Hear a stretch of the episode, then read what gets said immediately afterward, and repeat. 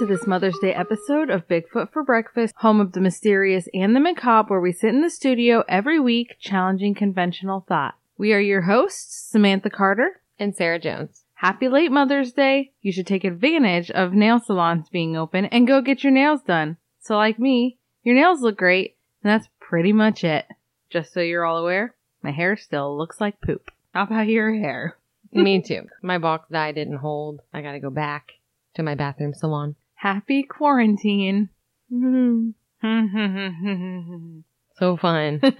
Before we get started, we want to give a quick shout out to Nick Weaver and the Regulators podcast, which is a podcast that reviews, rates, and recommends other podcasts. And they just featured Bigfoot for breakfast and gave us their review. So make sure you check them out. You can find links to that episode on our Twitter and Facebook. So after you check that episode out, go ahead and keep listening to their show and find out which podcast you may or may not be interested in listening to. With that, on to this week's topic. but first, regulators. Get it? Let's mount up. Mount up. And then he's all like, mount down.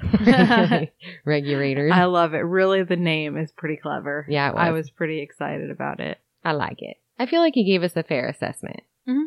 Because we're going to take his advice and get right into the topic now instead of screwing around forever. right? But without completely giving away our topic today, which I guess the name probably really does, I have a joke for you.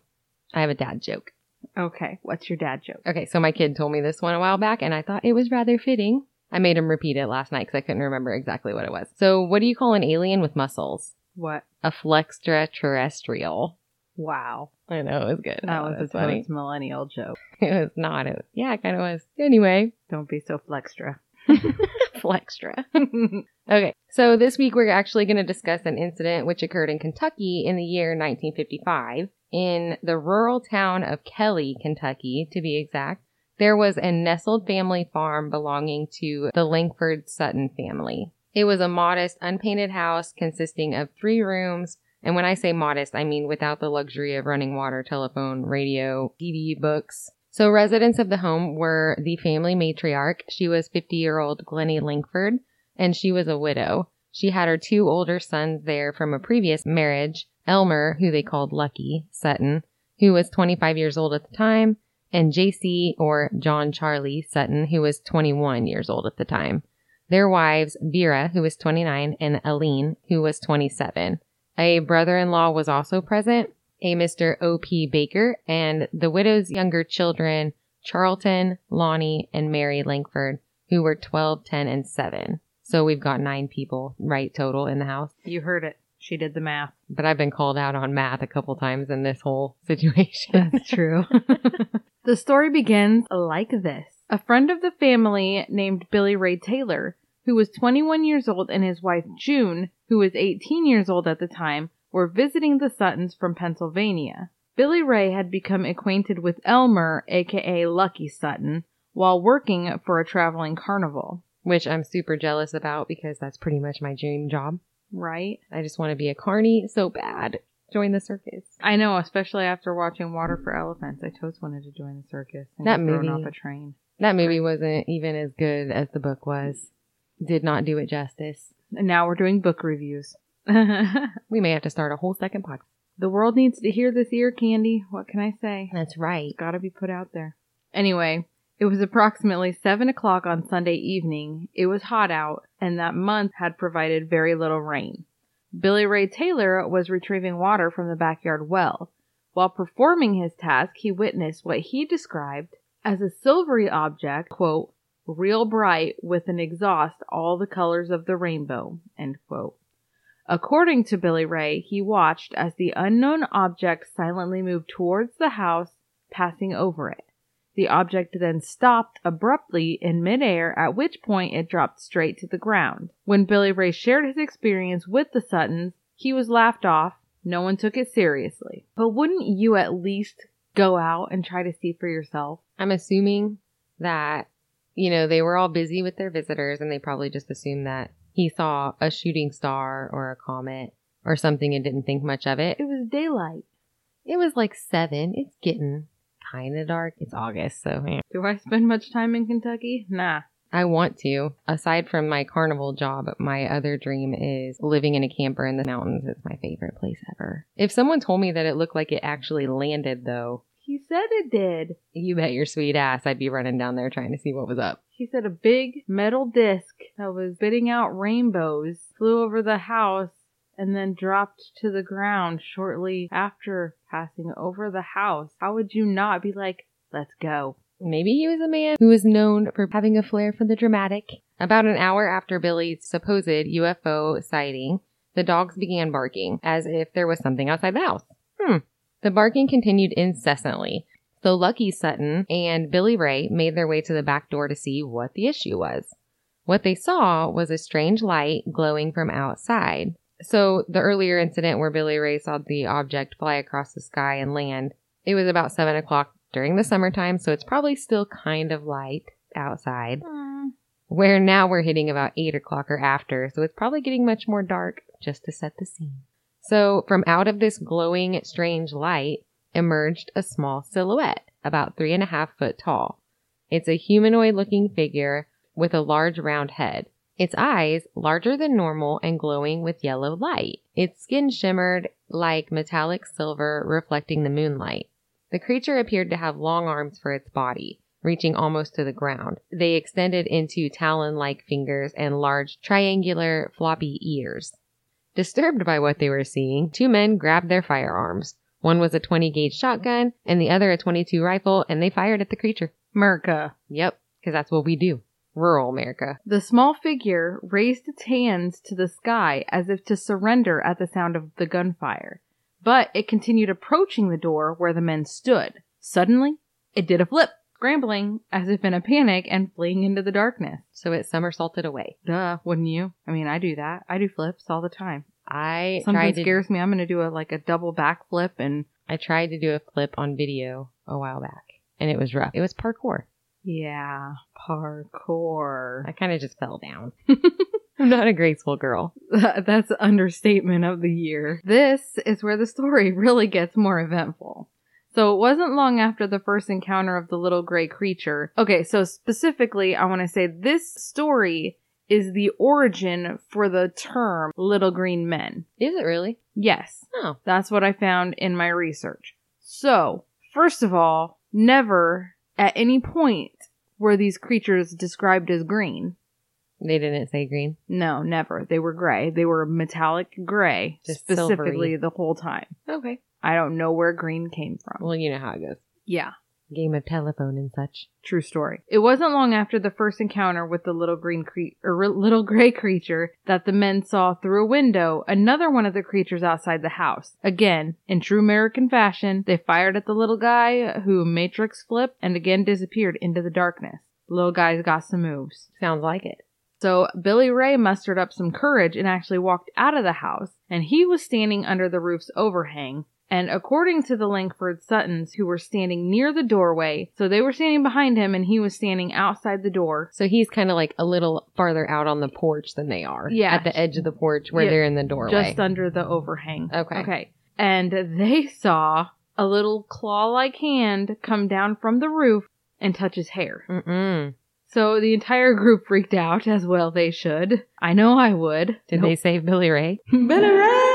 that is what I would sound like. right? I mean it. So they grabbed Billy Ray and pulled him back into the house. Emilio! So Lucky, as most people might have done, as I definitely would have done, this part cracks me up, fired a shot at the creature on the roof and then fired a second shot toward a nearby tree where he saw yet another of the short silvery creatures. So he's in the house.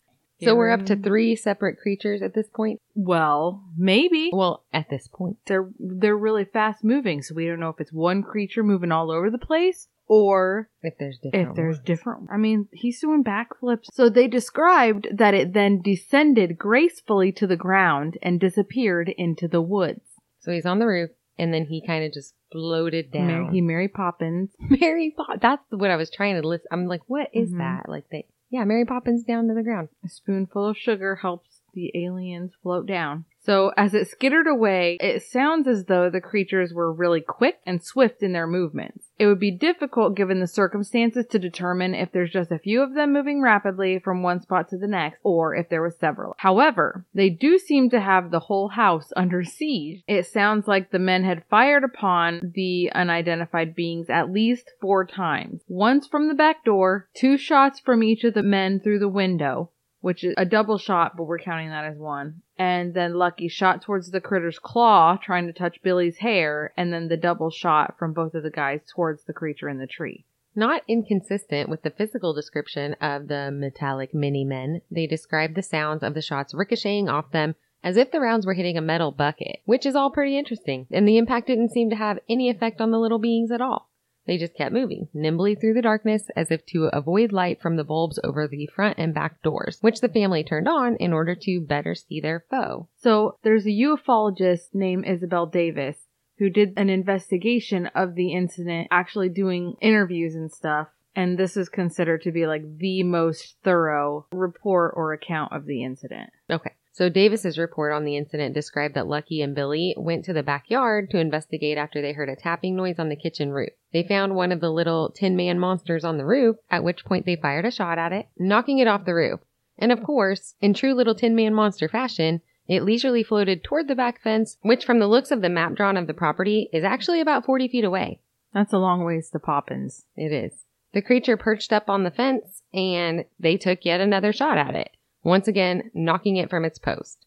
This time it dropped to all fours, so there's fours. I guess I already knew it had arms. It scurried away more like an animal than a humanoid. Remember that moment because I'm going to bring something up later. It scurried away on all fours like an animal later on Okay. when we get into theories. Okay. So, from the description of the situation, at no point do the witnesses describe the creatures to speak or make noise of any kind.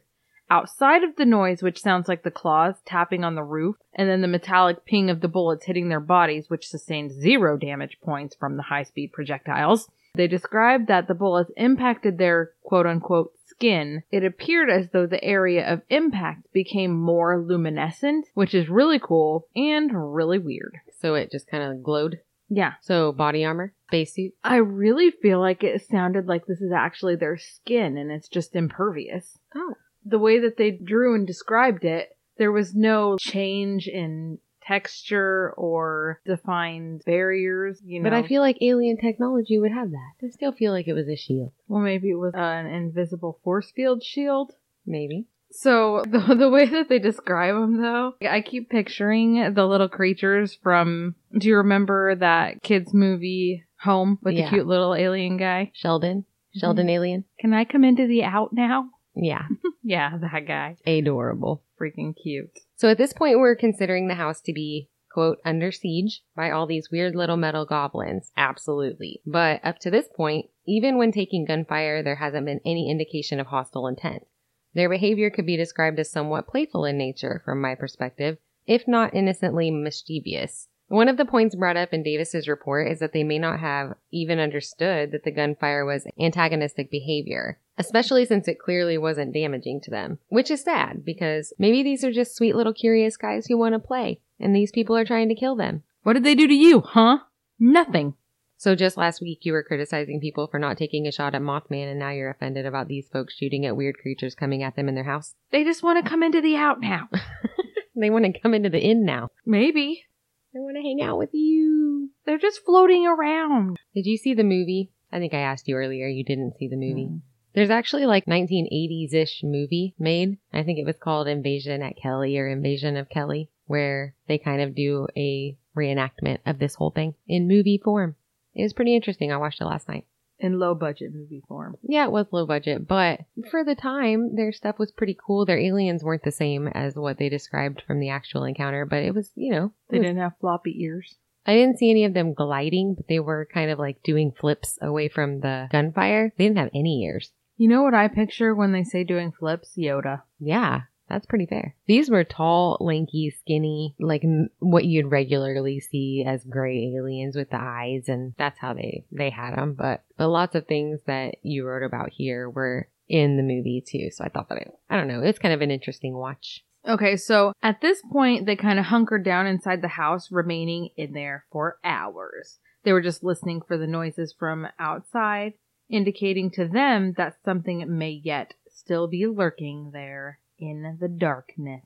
They would hear the occasional scratch on the roof, but other than that, it doesn't sound like there was much more going on at the time. So, while the description of the creatures themselves or their behavior didn't really sound too terribly scary or intimidating, I don't think the incident would be much less fear inducing or traumatizing. It's still a lot to take in.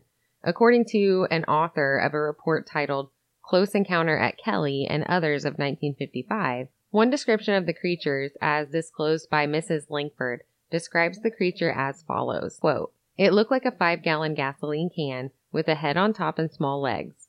It was shimmering bright metal like on my refrigerator.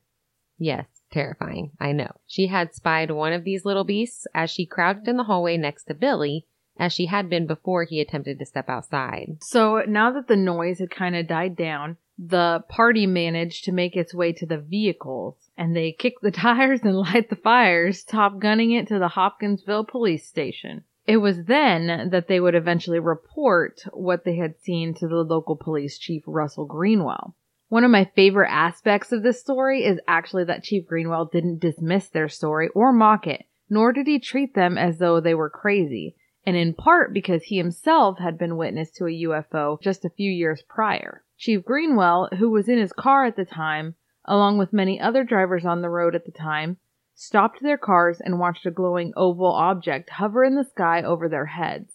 The unidentified object remained in the air, stationary above them for about 30 to 40 minutes, at which point it suddenly, at a high rate of speed, darted off out of sight into the night sky. I feel like this adds an interesting dynamic to the story because most of these situations, when they're reported to law enforcement, they are met with really staunch skepticism, typically, and much worse sometimes. Not to say there weren't others that saw the incident or heard about it, or the story being told in a different light than the chief, because there absolutely were, and we'll get to that. But before they got the opportunity to share the tale with Chief Greenwell, they met with the city officers who were at the time manning the police station.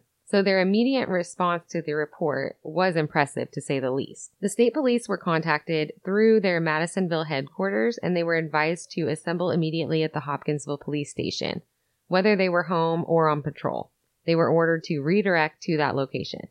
Along with the Hopkinsville City Police Department was a Christian County Sheriff's deputy who shared a station with the city department. Chief Greenwell was at home when he received the call informing him that, quote, a spaceship had landed at Kelly, unquote, and he was not amused. According to the report from Isabel Davis's interviews, his response to the call was, quote, is this your idea of a joke? Because it is not mine. To which the officer clarified that it was in fact not a joke and that the state police had been dispatched and were en route.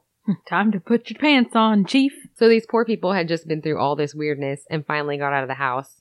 I can imagine the conversation that was being held in the car on the way to report what just happened. I can imagine it was along the lines of, uh, they're not going to believe this and what in the world just happened. So walking into the police station, they were probably thinking that they were going to be looked at sideways for their story and having the police be like, I know, right? Probably felt so validated. I don't know if they were really putting that much thought into it. I think there was just sheer effing panic.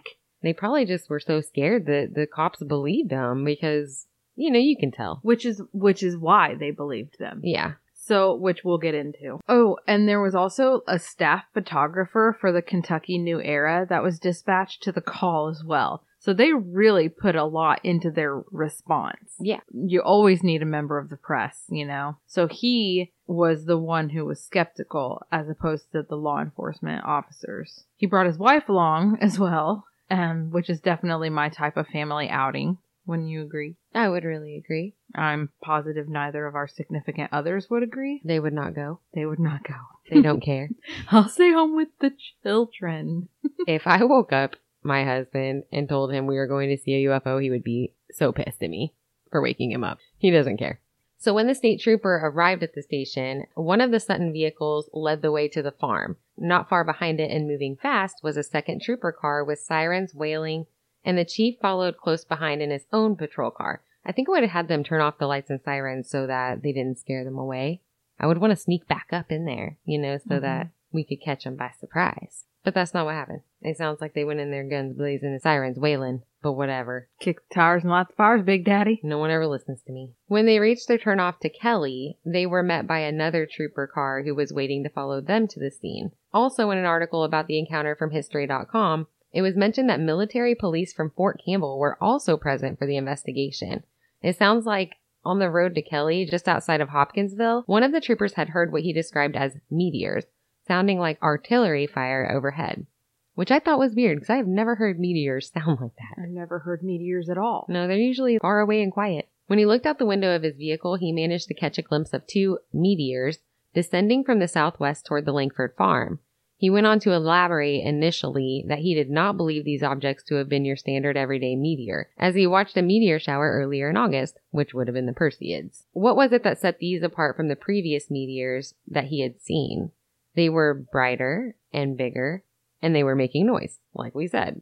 From the sounds of it, however, later he was heard saying that they were in fact just meteors. So there's that. So he backpedaled. But they were brighter and bigger and making noise. Her face looks so defeated. I'm disappointed in that. Believe. I want to believe. Why you gotta be like that? You know? Ner, they're just meteors, but he obviously Nerd. thought they weren't. Right? But then they always go back because they don't want everyone to think they're crazy.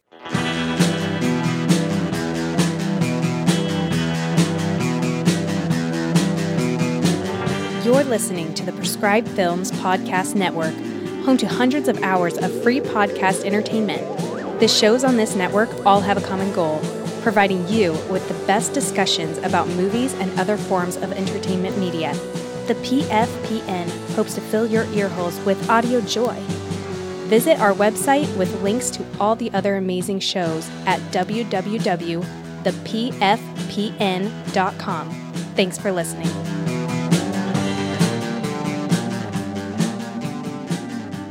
So the farm is now swarming with boots and flashlights. All taking the lead from Chief Greenwell, they scour the yard and the outbuildings as well as the house. So make note that at the time that the police are inside the house, the family members refuse to enter and remain outside. Hell yes. Chief Greenwell described the atmosphere around the farm as tense, with a strange uneasiness looming over everyone as they milled around the property. At one point, Chief Greenwell divulged that one of the officers stepped on a cat's tail in the dark, This is hilarious. and when the cat howled, a sudden barrage of pistols were drawn and pointed in panic. Oh, holy shit. So, So, they all just whipped around with their Yeah. pistols. while this is really funny to picture, it would not be funny to be the one that the pistols are pointed at. No. And in a panic situation like that, they're really lucky that someone didn't accidentally discharge their gun. Goddamn kitty cat. So perhaps the genuine fear radiating from the witnesses to the event was spreading like a virus through the ranks, and everyone on the farm could feel it. I feel like that makes it so much more believable. I mean, obviously they felt like something happened. Something obviously happened to this family. Mm-hmm. There was no question that their fear was genuine. Yeah. By anybody. Yeah, absolutely. Okay, this led me to kind of think that A, the Langfords and the Suttons were obviously convincingly convincingly shaken up by this event. You know, when someone telling you something like this, I feel like it wouldn't be that hard to tell if they were making it up. Obviously, these must have been pretty believable folks who were really bothered by what happened and they weren't able to explain it. B, I don't really know how big the town of Kelly is, and it sounds like these people lived more into the country. But I'm going to guess that from the response of the police, these were likely people that they didn't feel would make something like this up. They're probably honest, down to earth people. A group of men were in the backyard searching the area where Lucky and Billy had shot one of the creatures down from the fence post. It was at that fence where the men stood looking into a field where something odd stood out to them. A small one and a half foot diameter patch on the grass which appeared to be luminous. The next day, a piece of aluminum foil was found in the corner of the fence. Chief Greenwell remained adamant that they could definitely tell the difference between a strange luminous patch and a piece of tinfoil. It was not what they were looking at. I hate when they do that. You hear this in all these stories when they're like, I saw this. And everyone's like, no, you saw this. I don't know. It just drives me crazy when I get trying to find the reasonable explanations for something, but when someone is so adamant that it definitely wasn't that, You can't act like they'd just never seen a piece of tinfoil in the grass. Yeah. I don't know. It just drives me crazy. And to specify, the person who pointed out the tinfoil the next day was the photographer, the media person who was already skeptical to begin with. Okay. I do respect finding a reasonable answer for things, but coming up with suggestions and making people offended or look stupid makes me irritated, I guess. It seems like there was some discrepancy between the accounts of the neighbors as to what they had heard on that night. Some investigators of the incident reported that the neighbors did say that they'd heard gunshots as reported by the Langford Sutton family and their guests. Other investigators' reports stated that they had been told by the neighbors that they had heard nothing. Spent shells were found by the first officer on scene, which corroborated the story that shots were fired by the men. But at what? That was the question. Alas, the question would remain unanswered as the search of the property that night bore no fruit. Or aliens. Or no aliens. So that is to say, no little gray men, no spaceship, or strange lights. Not even a footprint on the ground made the presence of the creatures evidence to those who were searching, much to the relief of some and the dismay of others. Among those who expressed their disappointment were the cameraman and his wife, who begrudgingly complained about the distinct lack of creatures, aliens, ships, and what have you, lamenting the fortune that they may have acquired had they obtained a photograph of just one. I'm sure the family wishes there had been a photograph too. It probably would have been a lot easier to prove what happened to them. Few by few, the officers, deputies, and military police filtered out with a promise to return the next day, when it was light, to recanvass the area. That wasn't very reassuring to a family who had been left to remain there overnight to face their fears. The flashlights and brave men to protect them were gone, and they were again alone in the dark at the farm, probably surrounded by many metallic humanoids with unknown intentions. Which was, in fact, the case, as their story goes. It was around 2:30 a.m. Mrs. Langford turned out all of the lights and went to bed, lying with her face towards the window, darkness surrounding her, when she noticed a glow out the window. Creeper's gonna creep. A glow out the window after they all left and it's Yeah. back? So there stood a little goblin looking creature with his little claw hands resting on the screen, staring in, quietly, just staring at her. Like he's saying hello. Let me into the inn. Hey, let me out of the out. He wanted to come in. So she called the other members of the house to the room. Meanwhile, would alternate looking away from the window and back at it, thinking perhaps her eyes were being deceptive. But when she looked back each time, there the little guy stood, still watching, hands up on the screen. Enter Lucky, gun in hand, raised toward the window, which stood between him and his target. Lucky stated, I'm gonna shoot. To which his mother replied, for God's sake, don't. For the record, if this was a movie, this would be my favorite part. In defiance of his mother's pleas, he flatly expressed, Mama, I'm gonna shoot that little man. Mama, I'ma shoot that little man. At which point, he pulled the trigger. Once again, the creatures proved impervious to the impotent weapons wielded by these mere mortals, and the shot did, however, damage the window frame. Everyone was back up again, hyper vigilant and aware of the tiny invaders who would make slow attempts to approach the house with their little hands reaching for the sky as if to reassure them that they, quote unquote, come in peace. Maybe it means something else to them entirely. Or maybe it means nothing at all. Maybe it's attack position, like a crab, claws in the air, like Zoidberg. Hey, hey. So the last sighting occurred just a little after 5:15, which would have been Monday morning, August the 22nd, right before the sun came up that day, which may give way to the theory that the little creatures are partial to dwelling in the darkness. I keep thinking about how innocent that they must look, and I likely would have gone out to make friends. I think honestly at this point I would have been like, okay, they're probably nice. They seem nice. But then I remember Travis Walton and my distrust of these cute little buggers comes right back. Stay away from the light. After a long night of no sleep, the next day life went on. Lucky, JC, and OP left for an 85 mile road trip to Indiana to borrow a truck and move some furniture or something like that, while Billy Ray and a neighbor went out for a hunt leaving the women at home all alone. I'm not sure how happy I would be about that if I was abandoned by my husband after an ordeal like that. However, the daylight may have removed some of the fear factor. I still likely wouldn't want to stay home. It seems strange to me too that the guys would leave knowing that the police were supposed to return to the farm the next afternoon. You would think that they would want to be there for anything they might find, for interviews, and whatnot. As they had promised, the investigation continued in the daylight, combing the yard, the woods, the surrounding areas for any signs of aircraft or alien to no avail. Even the dusty roof was devoid of any footprints or signs that anything had been climbing on top of it. As we'd mentioned before, there was no rain, so there was plenty of dust accumulated on the tin roof. One would expect to have found at least a footprint or some disturbed dust if a creature had in fact been running amok atop of the house. Were they running amok or were they gliding around? I don't know. Maybe they float. They heard footprints. Well, though. they heard tippy tappy. So maybe they were feet in the air, hands down. The ladies and the children who were left to fend for themselves that day faced the scrutiny of never ending questions about the incident. Chief Greenwell admitted that he had intentionally asked misleading questions with inaccurate descriptive details in order to test the continuity of their accounts. He would talk to them one by one and then talk to them again and again to see if their story would change. The local police weren't the only ones to return that afternoon. One of the state troopers come back as well. He too spoke to the children and the neighbors, trying to assess what had happened and determine what happened, if anything. So, from what I gather in the report written by Isabel Davis, there was concern that the incident had been alcohol induced. While he didn't make a point to openly discuss it, he did look for signs of heavy consumption. So, Greenwell must have had the exact same thoughts, but while he didn't make a point to openly discuss it, he did look for signs of heavy consumption in the house. From what I can surmise, I had to put that in there. it sounds so pretentious. I know. I hate it. From what I can surmise. He did find a couple of beer cans in the trash can, but nothing really of any significance. So Mrs. Langford made a statement regarding her strict prohibition of alcohol in the house. Any small amount of evidence of inebriation or impairment is grounds for skeptics to add fuel to the fires of doubt. This is very clearly a difficult type of story to absorb as truth for most people. There's got to be some other explanation for what they thought they saw, right? However, it wasn't just one person that saw it. They all did. Well, all but one.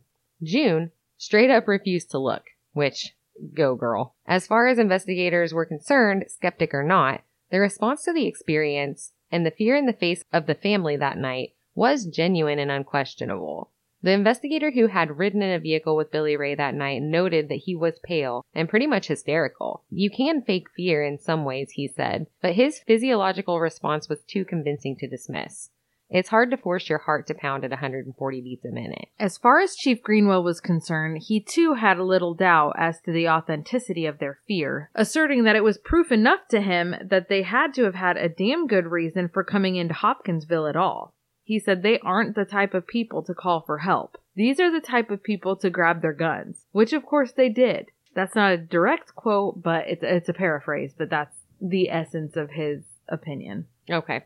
So These are my people. Grab your gun. But I think that they are damn near everyone in rural Iowa's people too. Because I mean, if you live out in the country and you're far away from everything, any resources, then yeah, I mean that's kind of the way you react to things like this. Is it's going to be. I know if we call the cops, aside from our local city cop, if we had to rely on county cops, especially or ambulance services or anything, it's a it's 25 minutes at least. Easy. At least where I'm at. But for people like this, knowing that you're shooting your guns at these is little more effective than throwing a marshmallow at a lion, you'd kind of feel like you had no choice but to seek out that outside assistance. Right. If you can't take care of it at home, obviously. And so they called from for help from people who have more marshmallows. Right. I mean, that's why you call the cops because they also have guns. Bring the tannerite. That's what that's what would happen at our house. He'd call his friend and bring the tannerite. Before we get into the hoopla of questioning the authenticity of the experience as told by the eyewitnesses, let's get into the way the investigation was handled.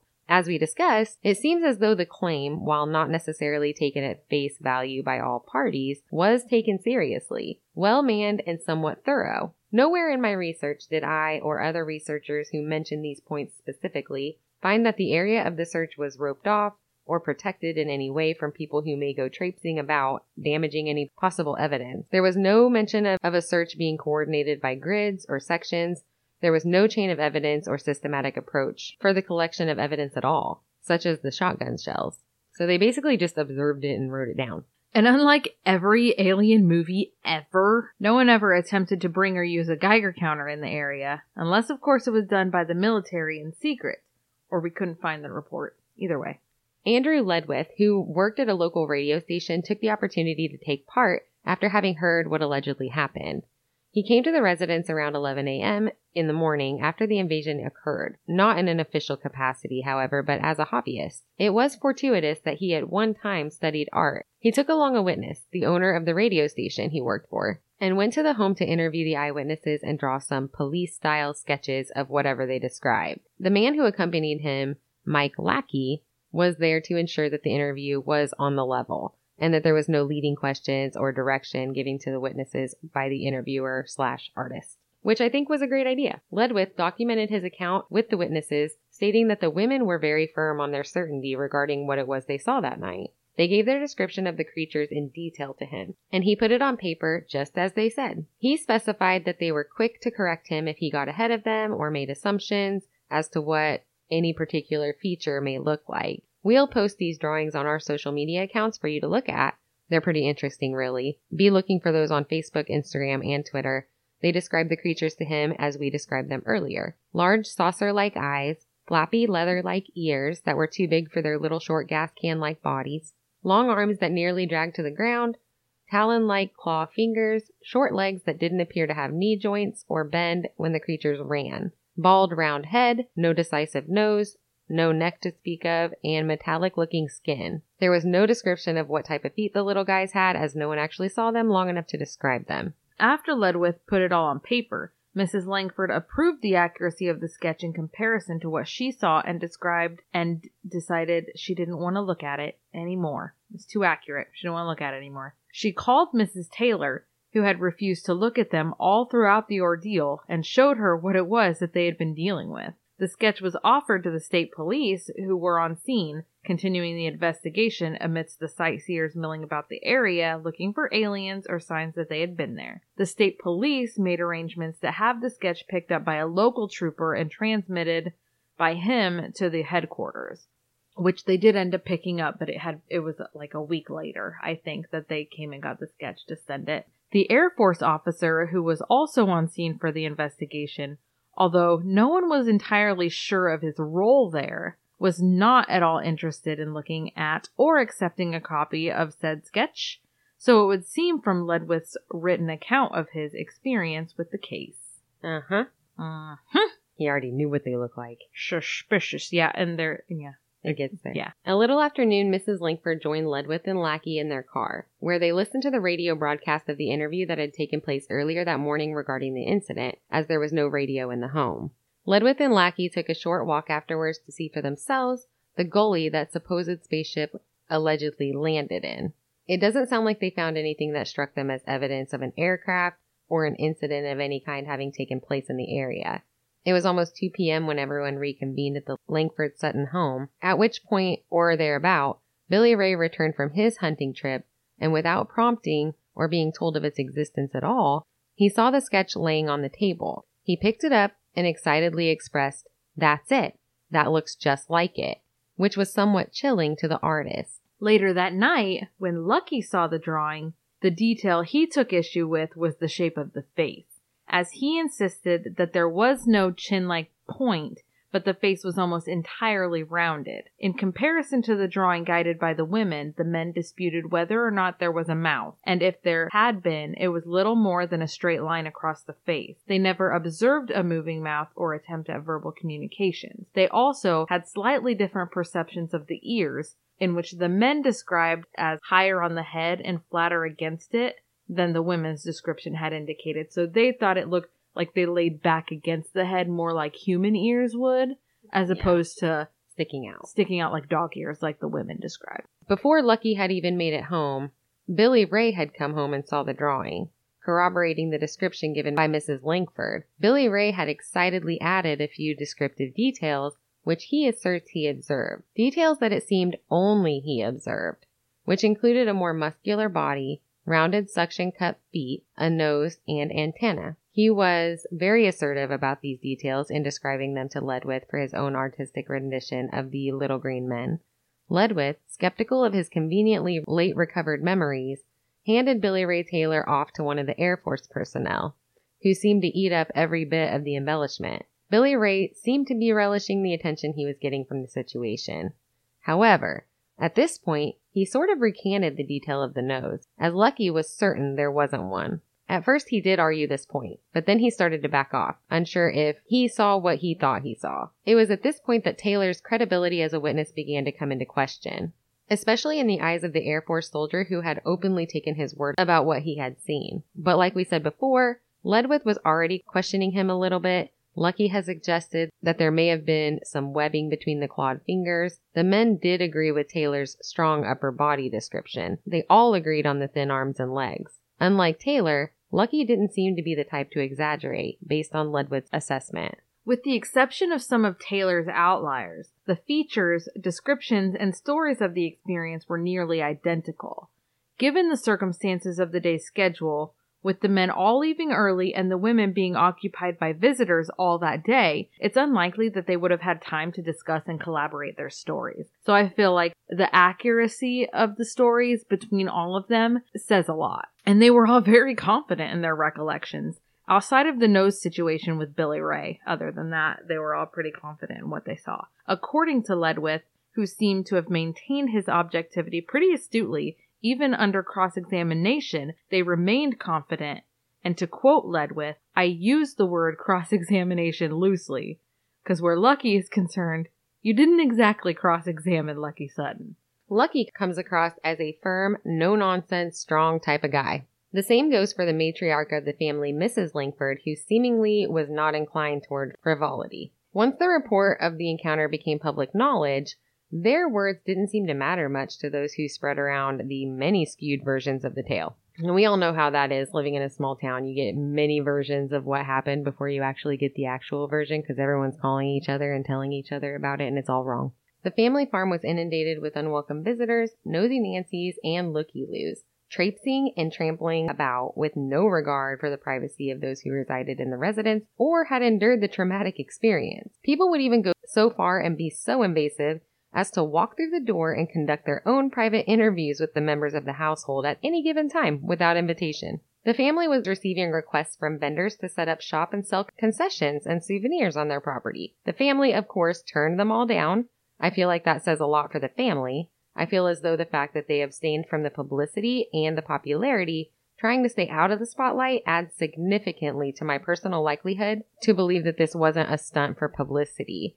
The Suttons were interviewed and featured on the radio one time to share their story. I spoke to Lonnie, one of the children, to his grandson, Ronnie, and he said that his grandfather did an interview for the History Channel one time, and he really wasn't into talking about it. I didn't really get a response from Lonnie about doing an interview, but it really just doesn't sound like they, they are really that interested in talking about it anymore. I think it caused them a lot of problems. But I couldn't find the History Channel interview. He said he didn't really know much about it. So it doesn't sound like it's a big, you know, to do in their family. So, you know, maybe he could have easily just thought that that happened and he wasn't really sure about it. It really doesn't sound like they talk about it that much. Who knows? Mrs. Langford made a public appeal. Quote, The people are worrying us to death. Please tell them not to come here and worry us. Obviously, did no good. Um, the people did not care. The crowds continued to pour in, and state troopers were called on multiple occasions by the family to clear the crowds from the property, for only short periods of time, of course. No trespassing signs were placed on the property, which, of course, was another marshmallow throwing situation, meaning to say, it didn't do a damn thing to help the family stave off the vultures. I have to say though, what if the aliens like marshmallows? What if? What if they just ate them? There were literally no marshmallows. I it's a figurative marshmallow. Just saying. On that Tuesday, the same day that the signs were put up, the Air Force made two official statements to the press, which were as follows. There had been no official investigation of the reports of the spaceship and its passengers. And then the second statement was that there was no basis for the report. For the most part, as far as the public was concerned, it was more of a fun, entertaining fiction than something that truly happened to a real family in real life. The house was a fun place to stop and have a picnic, and the media didn't do much to help that. On that Wednesday, the Madisonville, Kentucky Messenger ran the headline, Earthmen Profit. See where the Tubmen landed, only 50 cents per. That was one description of the spaceship and what it looked like was that it looked like an egg-shaped number two wash tub, hence nickname Tubmen for the supposed occupants. The story included the following paragraph. There was no report on how many sightseers were willing to pay 50 cents to look at the Sutton farmhouse, but it was reported that some 2,000 persons went as far as the road in front of the farmhouse yesterday. Billy Ray Taylor was reported to have accepted payments from two reporters in exchange for the story. They claimed that the Taylors were destitute. The papers also ran statements from astronomers out of Lexington and Louisville. One of them said that the creatures, like the little men, could not exist in our solar system. And the other statement was that the report was imagination. So things weren't going exactly in their favor in any sense. There were those who were more open to believing the family was telling the truth, if based on nothing other than their strong insistence that they were. They did not waver in their story or their conviction. People continued to show up. The family had no control over it. They did finally post a sign charging 50 cent admission and then later raised it to a dollar, but that did about as much good as no trespassing signs. There were no fences, gates, or guards to keep them out. There were no locks, no way to keep them out or even collect the entry charge they demanded. It was hopeless. And then, of course, it was assumed by some that the whole ordeal had been a money making scheme from the start. I really think that they just started charging to get in just to kind of deter Keep people, out, yeah. Because they didn't at first. I mean, it took them a while to even start putting up any signs to charge anybody. But for a story which bore little weight, the military maintained its interest, returning over and over with more questions for the family about the experience. Highly suspicious. It sounds like, from one report, that there had been three personnel from Fort Campbell who had come to the farm asking for descriptions of the little men. They wanted every minute detail. After receiving a satisfactory amount of information from the witnesses, they returned to the farm a few hours later with a model of the creature. I have constructed a model. So they had the family examine the model, attesting to its accuracy, and it must have been built perfectly per their descriptions as no changes were made to the model. It was reported that Mrs. Langford's statement about the model's depiction of what she had seen with her own eyes was that, quote, the man who made it must have known exactly what they looked like, unquote. And, knowing the military and their odd interest in the case, they probably had. I guarantee they had. Bastards. You guys know me well enough at this point to know that I have strong convictions in just believing the military and the government. Yeah. While I love our troops, the higher ups are highly suspect. No, they're not. They're honest. We trust our government. What? They're always honest. Are Mm-mm. you kidding? They That's only a- want what's best for us. That's a hard no. Hard no. Cannot confirm. What sets this case apart from many other encounter stories at the time was that there was more emphasis on the beings themselves and little on the UFO. If you recall, the UFO was sighted by Billy Ray Taylor and no one else. At the time, he excitedly announced the strange anomaly to which he alone had bore witness. The Suttons laughed at him and dismissed his tale as a farce. I'm not sure that I would necessarily immediately believe any of my friends if they were to run into the house and tell me that they had seen a UFO, but I am not so afraid of looking gullible that I wouldn't rush out to try to see it for myself. I guarantee I would. Take me with you. I think back to the Mothman encounters that we had discussed a few episodes back, where those who reported the sightings were so well respected that their stories were considered truthful from the start. They were not laughed at or dismissed. From what I have read about the investigators of this specific case, even those who did not have any previous familiarity with the family, that is exactly how they too perceived the Suttons and Mrs. Langford.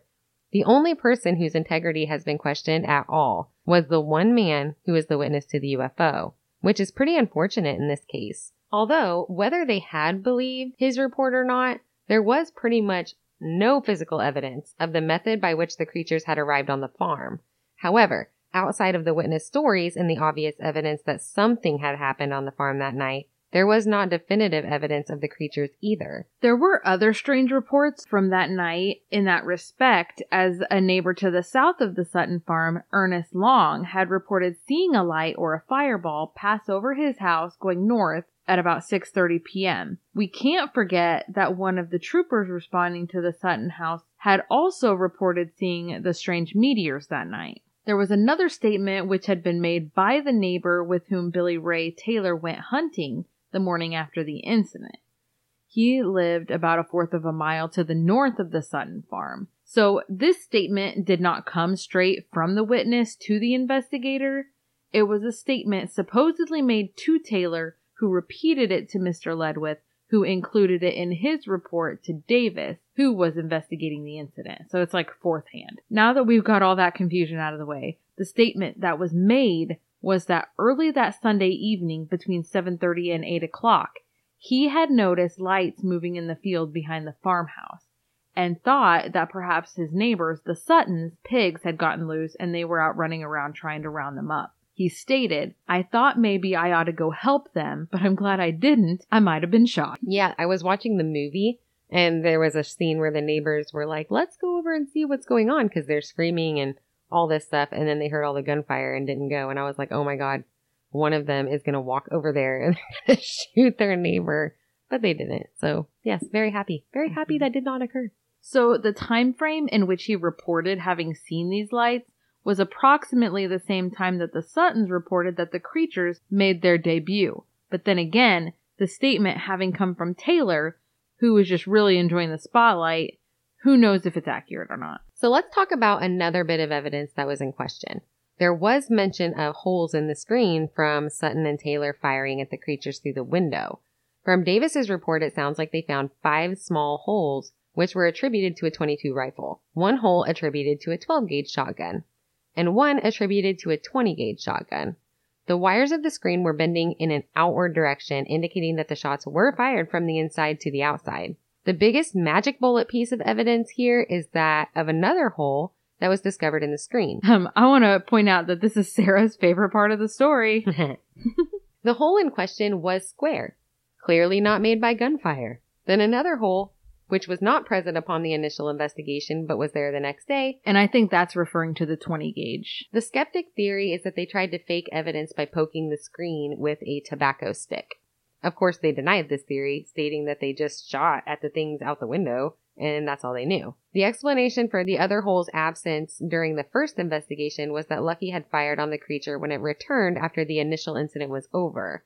There were plenty of jokes made about the square shooters by investigators. All of the other reasons for skepticism aside, it's a pretty obvious, however unpleasant assumption that much of the skepticism came about from pre-existing bias in relation to the social standing and lifestyle of the family. While they wouldn't have fallen into the backwoods hillbilly category per se, they were country folk nonetheless, living a modest life in their unpainted three-room house So they were just like kind of simple living Mhm. people, but plenty of people are like that. And I think that's respectable. So they weren't considered high class in any sense of the word and were likely seen as lesser by many of the townsfolk, especially seeing how Lucky and Billy Ray were carnival people, a profession which has a reputation for sensationalism and swindling, which probably was exacerbated by the attempts to charge admission. So one thing that you didn't discuss that I did read about was the theories of the people who did believe that they saw something. They had theories about what they saw. And basically, the leading theory from what I understand was that it was a group of large owls, which owls can be three feet tall. It's not that uncommon waddling around and that the lights that they saw happened to be a meteor shower that happened on the same night. So this was attack of the owls during a meteor shower. I feel like probably not. I don't feel like the owls would have come up to the house, looked in the windows, tapped on the ceiling, reached down and grabbed Billy Ray's hair. And at no point did they discuss wings or beaks or anything like that. And owls can't skitter on all fours. No, and they can't flip around Matrix style away from gunfire. And an owl will fly away. Well, sometimes. They're uh, pretty brave, really. Owls really get a bad rap because that was one of the explanations for the Mothman was Yep. a big owl. Owls are actually my favorite animal. I love them. Ooh. They are like the coolest things ever. Ooh. And grizzly bears. What's your theory? Not owls. I don't believe it was owl. I don't feel like if you shot an owl, it would make a tink sound either. That was in the movie too. Every time they shot the gun, ding, ding, ding. And then it was like they were trying to depict the gunfire, but they would have to cancel out the sound of the gun. So you wouldn't actually hear the gun shoot. You just hear this click and tink. What about the conspiracy group that birds are government spy robots? What if they used the government robot owls because they were suspicious? You thought they were moonshiners? Maybe. I don't feel like the government had the technology to make modified drone pigeons at that time, though. I don't believe it. There's Sam's theory. I guess we know now. no, How do you I feel? really, I mean, I go kind of back and forth whether I think it was aliens per se, but it was something. Goblins Oh, is a theory. I mean, I don't know why goblins would be any more believable than aliens. Here, let me throw out a reasonable theory. Goblins. Don't Well, feed it after least- midnight. Name it Gizmo. It's adorable. At least they're terrestrial, I guess that's gremlins. which is also a theory. Is it? Is it? Well, which one? Which creature of lore was it? Giorgio Tsoukalos, we need you. Yep. This is a story I've heard several times and I have always, always found myself entranced every time someone's telling it because it is, it's a crazy story. And I believe them. I find myself believing it because they didn't make it some big to do. You don't see them all over the place. Like the Betty and Barney Hill incident that we had an episode about before. I was way more inclined to believe Barney because he was so, I don't want to talk about it. He was super traumatized. You could tell the only time he ever really gave any description of what happened was under hypnosis, where, you know, people were le- much less likely to believe Betty because she was sensationalizing the whole thing, soaking up any attention she could get even years after the fact. And she was criticized numerous times from her performances at different alien cons and things like that, that she would just take over the entire thing and tell completely different stories from one to the next. Yeah, those people are a lot more believable. And it sounds like these people were Barney Hill type. Well, there you have it, folks. The facts of the case as we know them and the theories that have been presented by those who were present to investigate the evidence as well as interview the witnesses. There for you to draw your very own conclusion about the event. government birds. Government robot owls. We hope that you enjoyed listening and don't forget to subscribe to our podcast on whichever app you listen from and leave us a rating and a review. Hunt us down on Instagram, Twitter, Facebook, and TikTok and follow us. We're, so, fun. We're so fun. Send us a message, email us at bigfootforbreakfast at outlook.com, or you can call our voicemail and leave us a message. The number is 641 812 2635. Please leave us a voicemail because every single time my phone alerts that there's a voicemail, I get super excited and it feels like Christmas. And it is just a voicemail. You won't get sucked into an like a weird, awkward conversation with any of us. Because we know, like, I mean, I'm the kind of girl that hides from the UPS guy till he's gone, so I understand. And I want to give a shout out real quick to one of our listeners and good friend, Jared Warren, because the last voicemail that we put on the air last week, Phenomena. Phenomena, we didn't know who it was until when he sent us a text message talking about how sexy his voice was. So we kind of got the idea that it was Jared. And also, he's already planning on taking my spot if I ever get k- kicked off the podcast. He's the new co-host. Yeah, he you may meet him at some point because he really wants to come on here and hang out with us because Yes. we're really super cool. We are super cool. So who could blame him? You know, Jared, we we understand. We get it. Anyway, we love getting feedback on what you love about the show, what you want to hear, and what you think we can do better. If you have any cool stories, we love to hear them too. And don't forget that there's still time to get in on this month's contest, which concludes on May 15th. So all you have to do to be entered into the contest is just recommend our show on any platform, TikTok, Facebook, Twitter, Instagram, any of those things. You just have to recommend us or kind of give us a shout out. Just make sure you tag us in whatever you do just so we get an alert that you did and we can put you in the drawing. The- Or the more you recommend us, if you do it multiple times, for every time you do it, we put you in the drawing. So that's just more times you get to be in the hat and the odds are better that you'll win it. Also, I want to say that I'm totally addicted to Twitter right now. So if you could make us trend on Twitter, I would be so excited. I don't even know what trend on Twitter means. So you can also post a photo on our Facebook of you doing your best Mothman impersonation or Mothmanning, which is my favorite way to get into the contest. So far, we've only had one of those, technically two, but Yeah. submitted by one person. Don't forget to check out the Regulators podcast, Regulators! Mount up. and down. So listen to their review of our show. Once again, thanks for being here with us, and we hope you keep coming back for this ear candy. Yep. Ear candy. She's really riding that train. It's like eye candy, but to your ears. Mm-hmm. I really like the part of the review where he's like, it sounds like they came out of the same birth canal. No, they Hand came out hand. holding hands. Yeah, hand in hand from the same birth canal. not quite, but close. I mean, like, we did come from the same one. Yet different times. How fortuitous that we fell out of the same womb. I, I don't think we fell out. Sorry, Mom. That sounds really bad. Sorry, Mom. Happy Mother's Day. That was that was no. that did sound bad. Poor mom. This is why she's drunk all the time. This is why she's always drunk. She's gonna be so mad.